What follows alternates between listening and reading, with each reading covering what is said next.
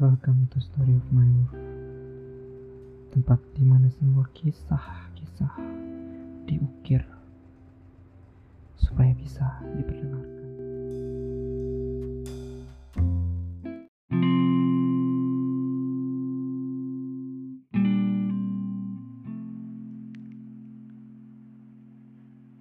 Sastra terlahir di keluarga sederhana.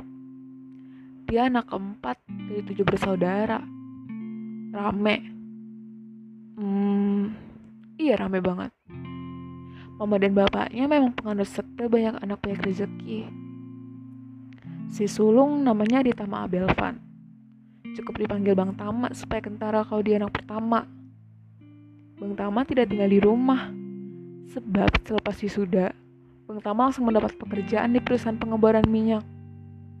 Gajinya tidak main-main, sebulan paling tidak 8 digit. Sebagian dikirim ke rumah untuk keperluan rumah tangga dan juga sekolah adik-adiknya. Sisanya ya untuk kebutuhan hidup di tempat rantau. Seperti Bang Toib, Bang Tama jarang pulang. Paling setahun sekali waktu lebaran Idul Fitri. Itu pun kalau dapat jatah cuti. Kalau tidak, ya Bang Tama tidak pulang. Anak mama yang nomor dua namanya Eros Berat Dirakanayaka. Karena namanya super ribet, panggil aja Kak Ros. Lagian nih ya, dia nih sama aja kayak Kak Rosnya Upin Ipin. Sama-sama galak, tukang ngadu, tukang nyuruh-nyuruh, bawel ya. Pokoknya Kak Ros ya, ya kayak Kak Ros di Upin Ipin. Tapi Kak Ros di keluarga sastra, versinya lebih ganteng. Sama kayak Bang Tama, Kak Ros adalah orang kedua yang udah berpenghasilan di rumah. Kak Ros ini termasuk manusia paling gaul selain dirinya dan saudara nomor 5. Kak Ros bekerja di salah satu bank yang dikelola oleh negara. Gayanya tiap hari rapi. Rambutnya juga klimis kayak opa Korea. Kak Ros ini sebenarnya keren banget. Kalau aja hobinya nggak nyemilin Yupi sama nonton sinetron India. Lupakan soal Kak Ros, kita bahas anak mama yang nomor tiga. Namanya Jovan. Jovan Akaraksi. Dan Juan kelas kakap, menakluk hati wanita-wanita ibu kota. Mas Jovan. Begitu Sastra dan adik-adiknya memanggil. Mukanya ganteng-ganteng kalem. Tapi Sastra tahu, kakaknya itu bangsatnya minta ampun. Di antara tiga kakak tertuanya, Mas Jovan yang paling rajin gonta ganti pacar. Selain ganteng, Mas Jovan juga orangnya supel. Ya nggak heran sih kalau dia jadi medan magnet kaum hawa. Kalau dilihat-lihat dari fisik sih, Mas Jovan hampir gak ada punya celah.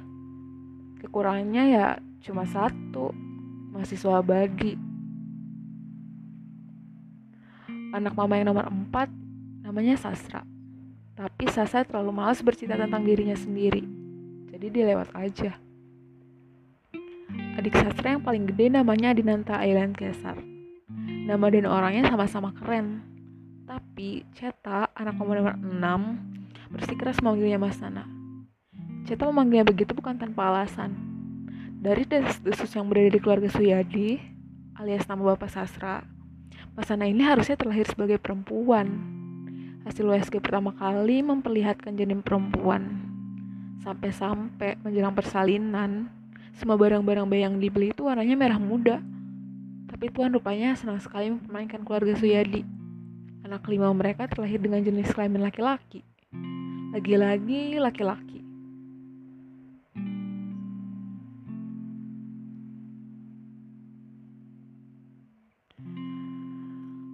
Lanjut ke anak mama yang selanjutnya.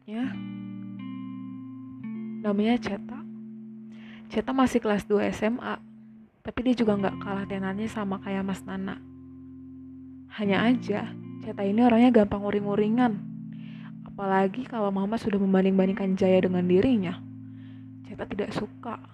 Sebab bagi Ceta, Jaya dan dirinya adalah dua keistimewaan yang berbeda. Ibarat pelangi, dia dan Jaya adalah korelasi warna yang harus berdampingan. Untuk menghasilkan pelangi yang indah tentunya. Sastra setuju dengan pemikiran adiknya itu. Bagaimanapun, setiap anak punya kelebihan dan kekurangan masing-masing. Ngomong-ngomong soal visual, Ceta ini unik. Di antara Suyadi bersaudara, Ceta adalah satu-satunya anak mama yang berwajah oriental.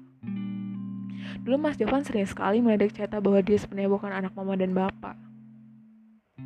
Mas Jovan juga mengingatkan, suatu hari nanti Ceta harus bersiap. Karena si Ceta ini orangnya gampang sewot, kayak Kak Ros, bocah itu langsung menggigit telinga Mas Jovan.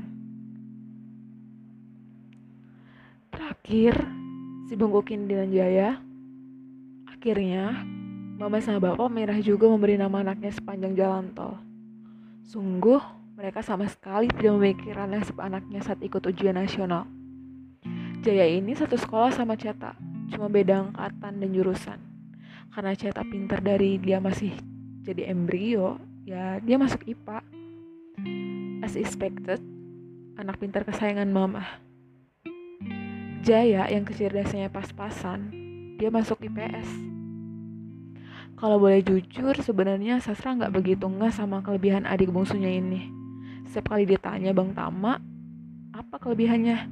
Dia selalu jawab kelebihan kelebihannya itu ngelamun sama menghayal Sarsa tidak tahu apakah Jaya serius atau mengatakan itu semata-mata atau candaan atau apa.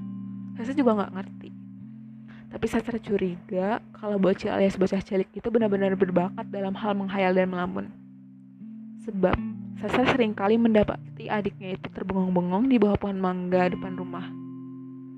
Entah apa yang dipikirannya. Kinda dan Jaya sama seperti anak-anak pungsu lainnya manja dan selalu banyak maunya. Bocah itu dableknya minta ampun. Apalagi kalau dimintai tolong sesuatu sama kakak-kakaknya. Ampun deh, disuruhnya sekarang seminggu kemudian baru berangkat. Itu kalau beruntung. Kalau apes, ya paling langsung pura-pura budak. Kerjanya di rumah kalau nggak ngelamun yang rusak barang-barang. Mama sampai memperingatkan berkali-kali pada Jaya. Supaya dia berinisiatif mencuci gelas dan piring paling tidak ya bekas dia sendiri. Karena kalau Jaya tiba-tiba nampak di dapur, bukan hanya mama yang bakal ngamuk, tapi juga Nana. Sebab dapur adalah wilayah kekuasaan Nana dan mama. Ada kabar kurang sedapnya, Bapak sudah berpulang 4 tahun silam saat Jaya masih kelas 1 SMP. Orang yang paling kehilangan sosok Bapak selain Mama adalah Sastra. Sebab ia yang paling dekat dengan Bapak alih-alih Mama. Bahkan jika disuruh memilih antara bapak, mama dan bapak, Sasa dengan cepat memilih bapak. Satu keputusan yang membuat mama uring-uringan seminggu penuh. Dulu, semasa bapak masih hidup, bapak adalah pensiunan guru SMP. Jadi kadang Sastra tidak heran kenapa Ceta bisa secerdas itu. Sebab ia adalah anak bapak. Bapak meninggal karena penyakit TBC yang sudah dua tahun diteritanya. Sejak sastra kecil sampai sastra dewasa, Bapak nggak berhenti ngerokok. Gak ada yang peduli seberapa keras mau melarang, rokok akan selalu menang. Sampai suatu masa, rokok juga lah yang sudah membunuh Bapak. Karena insiden Bapak, Mas Jovan akhirnya berhenti merokok. Iya, selain Bapak, Mas Jovan juga ngerokok. Walaupun kebiasaan ngerokok, Mas Jovan tidak separah Bapak, karena Mas Jovan sudah bertekad untuk berhenti merokok. Karos juga bersedia menyetok berkarton-karton permen Yupi di rumah dan tidak ada yang boleh memakannya kecuali ia dan Mas Jovan. Jaya boleh minta sekali asal nilai ulangannya di atas 80. Tapi sayangnya Jaya hanya mampu menunjukkan nilai itu dua kali dalam satu tahun. Ya begitulah singkatnya cerita keluarga sastra.